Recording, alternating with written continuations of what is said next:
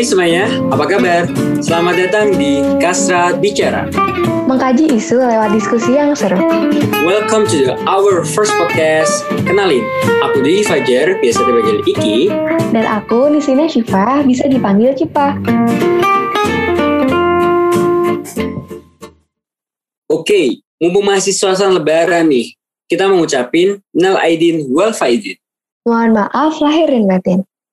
Nah, anyway, bicara tentang lebaran. Kemarin kamu mudik gak sih, Cip? Uh, aku emang asli Semarang sih, Ki. Cuma di hari ketiga lebaran kemarin, aku sempet tuh pergi ke Magelang. Nah, cocok banget nih. Karena aku pribadi sendiri tuh gak mudik. Jadi aku gak tahu apa-apa kondisi mudik waktu lebaran kemarin tuh kayak gimana. Tapi denger-denger nih ya, di perbatasan narkota banyak operasi ketupat yang ditujukan untuk para pemudik. Nah, boleh dong kamu ceritain kondisinya waktu kamu pergi itu kayak gimana? Hmm, oke okay, oke. Okay. Kemarin tuh waktu pas pergi, aku emang lihat tuh banyak posko-posko operasi ketupat di pinggir jalan. Cuma aku jarang lihat ada ceketan-ceketan polisi. Entah aku yang emang nggak kena cekatan polisi atau emang nggak ada. Tapi gini, beberapa kali aku lihat ada swab massal di rest area rest area. Soalnya rest area tuh bener-bener penuh banget. Oh gitu. Ternyata masih banyak ya para pemudik walaupun ada perintah untuk larangan mudik. Gini-gini, karena kamu lihat kondisinya nih Cip, secara langsung di lapangan. Menurut kamu gimana sih implementasi kebijakan tentang larangan mudik ini?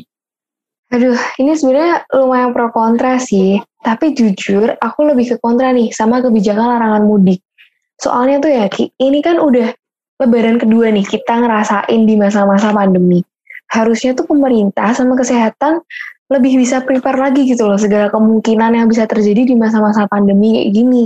Soalnya kan Lebaran itu kan momen yang bener-bener berharga sekali setahun. Kayak kamu juga pasti bakal nunggu banget gak sih Ki momen Lebaran kayak gini. Kita bisa dapat uang, kita bisa ketemu keluarga-keluarga yang lain. Ya walaupun orang juga bilang bisa pertemuan-pertemuan virtual yang kayak Zoom, Gmeet dan lain-lain. Tapi kita nggak boleh lupa loh kalau misalnya di Indonesia tuh nggak semua orang bisa ngikutin perkembangan zaman virtual kayak gini. Hmm. Kita sih bisa dengan mudah ya, bisa Zoom, Gmeet sama keluarga-keluarga kita yang jauh. Cuma kalau misalnya ada orang-orang di desa yang sinyal kurang baik, yang nggak punya device yang mendukung, itu kan mereka bakal susah banget buat ngadain pertemuan virtual kayak gitu. Maka itu yang hmm. bikin aku lumayan kontra sih sama kebijakan ini. Oke oke oke, aku nangkep uh, beberapa poinmu tadi dan aku sebenarnya setuju kalau misalnya semua masalah itu masih ada pro kontranya kan. Dan sebenarnya benar juga kata kamu kalau nggak semua orang itu bisa mengikuti perkembangan khususnya mengadakan pertemuan virtual dengan segala keterbatasan yang ada. Nah, tapi selain itu ada gak sih Cip yang buat kamu kontra sama kebijakan ini? Ada ada. Ini di sektor ekonomi sama pariwisata.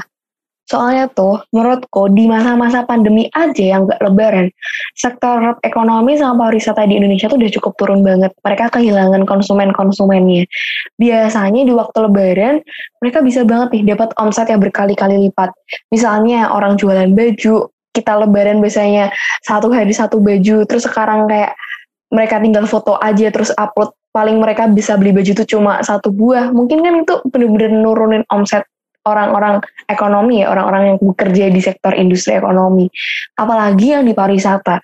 Yang di pariwisata tuh biasanya waktu pas libur lebaran ini kan omsetnya juga bakal naik banget karena orang-orang pada berkunjung berwisata ke tempat-tempat wisata gitu loh. Nah sedangkan waktu pas ada kebijakan larangan mudik ini semuanya benar-benar dibatasin.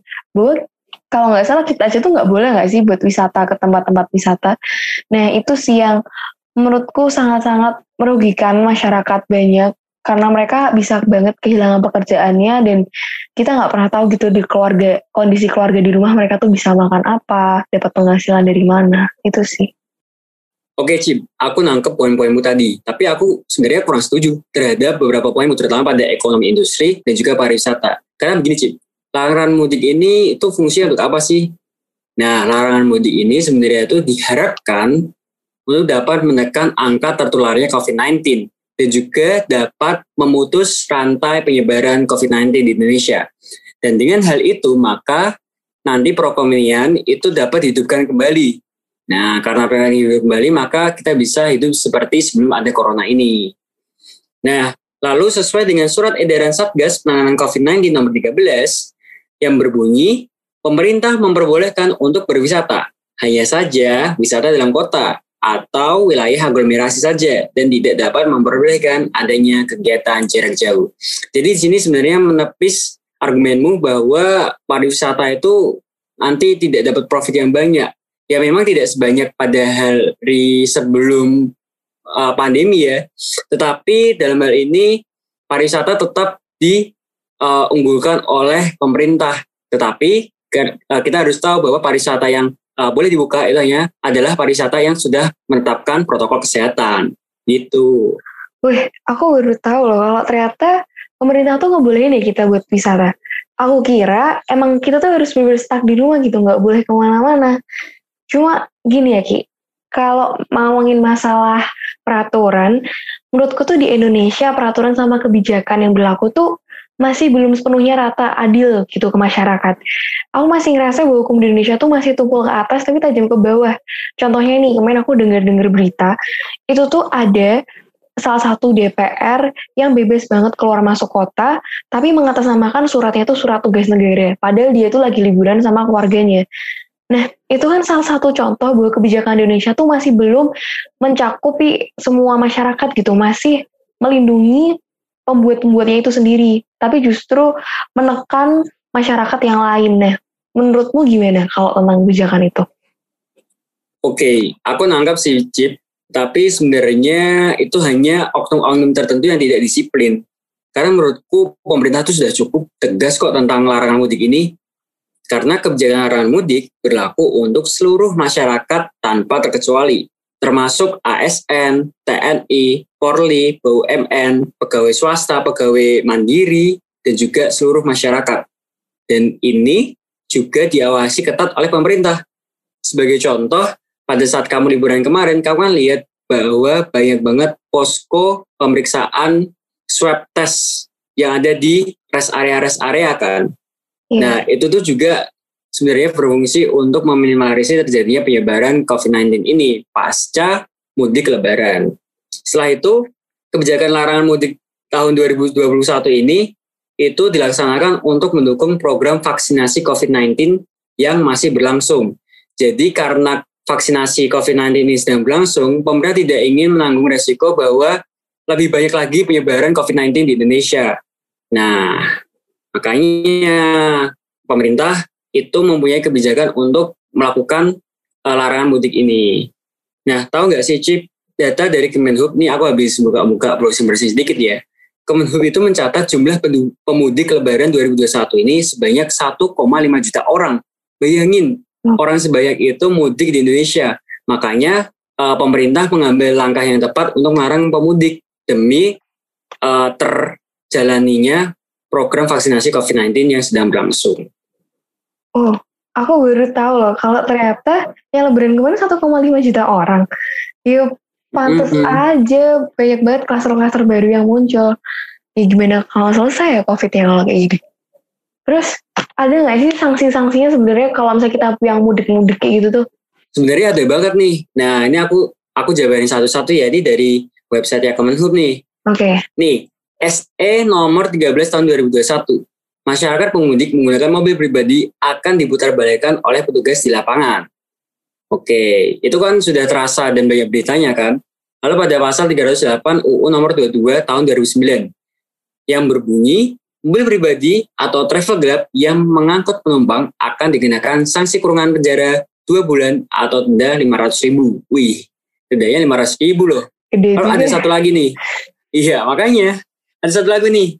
Mobil angkutan barang yang mengangkut penumpang akan dikenakan sanksi kurungan pidana paling lama satu bulan atau denda maksimal dua ratus lima puluh ribu. Wow, aku baru tahu ternyata mudik aja tuh bisa buat kita di penjara ya. Berarti sebenarnya pemerintah udah lumayan effort ya buat ngelindungin kita-kita nih. Iya, jadi sebenarnya dari peraturan tersebut pemerintah sudah concern gitu untuk melindungi masyarakat Indonesia. Nah, kita sebagai masyarakat itu juga perlu patuh dan bekerja sama untuk membantu memulihkan negeri ini. Oke, okay, lumayan banyak nih insight baru yang masuk ke aku. Thank you banget Ki, semua fakta-faktanya, semua pendapatnya yang udah kamu sampaikan. Ya, aku juga terima kasih banget karena aku juga sebenarnya belajar juga dari pendapat-pendapat yang kamu sampaikan tadi. Oke, mungkin uh, karena sudah jam segini ya Cip, mungkin kita tutup aja nih podcast pada malam hari ini. Gimana? Oke, okay. makasih banyak Oki. Iya, makasih banyak Cipa. Oke, okay, Oke teman-teman yang ya yang mendengarkan, terima kasih telah mendengarkan podcast Kastrat Bicara pada malam hari ini. Dan for your information, nanti Kastrat Bicara akan mengeluarkan podcast-podcast lebih banyak lagi pada bulan-bulan yang akan datang. So, uh, stay tune buat nungguin podcast Kastrat Bicara. Terima kasih. Assalamualaikum warahmatullahi wabarakatuh. Bye-bye.